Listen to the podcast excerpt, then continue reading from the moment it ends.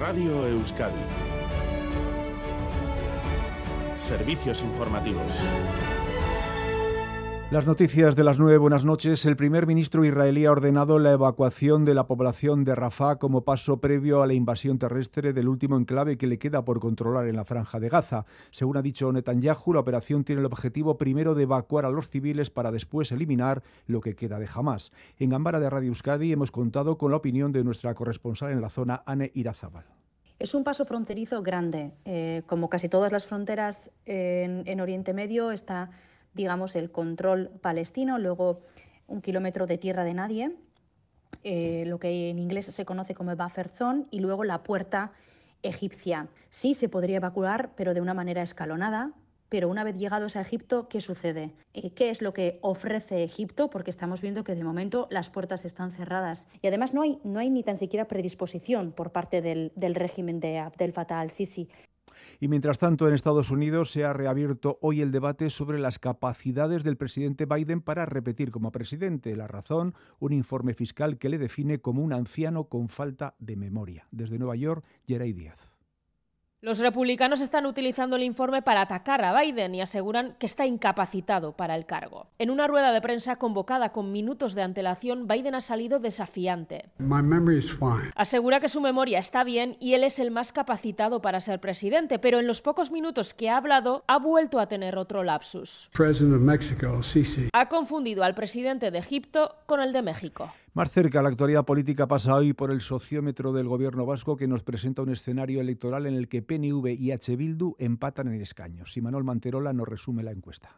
Sí, PNV y H. Bildu sacarían el mismo número de parlamentarios, 27, con una diferencia de dos puntos en porcentaje de voto a favor de los gelzales. Por tanto, el PNV perdería cuatro escaños, dos en Araba y uno en Vizcaya y en Guipúzcoa. H. Bildu ganaría seis, dos por territorio. El Partido Socialista mejoraría sus resultados con un escaño más por Araba, 11 en total, y el PP repite con seis. En cuanto a la izquierda confederal, según el sociómetro, es Sumar quien tendría el liderazgo del espacio con dos por encima del Carrequín Podemos que tendría uno. En total es la mitad de lo que tienen ahora. Vox sí mantendría su parlamentaria.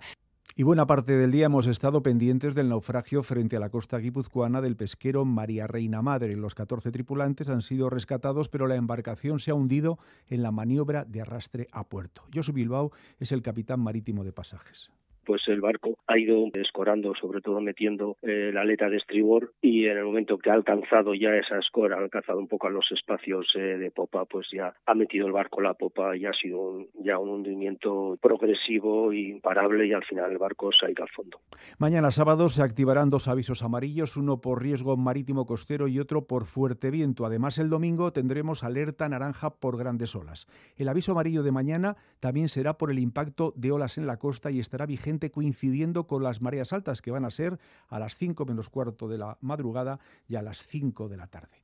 Mañana el aviso también amarillo y por viento será desde las 3 de la tarde hasta la medianoche. Se pueden superar los 100 kilómetros por hora. Y como decimos el domingo, la alerta naranja por olas de hasta 5 metros también va a coincidir con las pleamares a las 5 y media de la mañana y a las 6 de la tarde. Concluimos con el pronóstico de Euskalmet para el fin de semana. Egusquiña y Turrioz. El fin de semana tiempo más invernal con destacado descenso en las temperaturas y también esperamos eh, precipitaciones, sobre todo esta próxima noche y el sábado durante la primera mitad del día. El domingo se espera mucha menos lluvia, aunque todavía se producirán algunos chubascos esporádicos y dispersos y el ambiente seguirá siendo fresco.